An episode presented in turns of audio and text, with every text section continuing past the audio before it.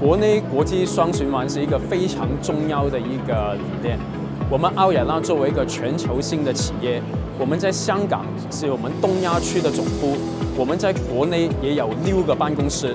我们在香港里面有一千八百名专业的工程师、设计师、规划师，我们在国内也有六百五十多名的工程师、设计师。我们可以通过我们在香港里面的一个经验，也可以利用我们当地的资源里面，去为了我们在国内的项目里面做出了所有的一些发展。我们在国内里面参与了很多重大的一些项目，包括这个港珠澳大桥。包括我们在雄安里面的基础建设发展。作为一个香港的企业，最重要的是一个持续保持一个开放的态度。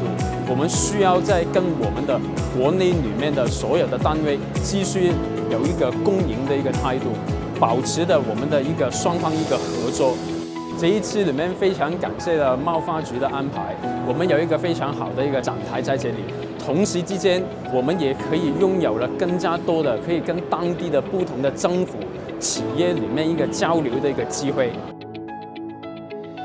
我们非常希望我们可以参与，利用我们的国际、国内的这个实力里面参与的国内里面重大的项目。同时之间，我们也拥有我们的国际里面的网络。我们希望把我们的一些啊全部的经验里面，从国内然后延伸到国外去。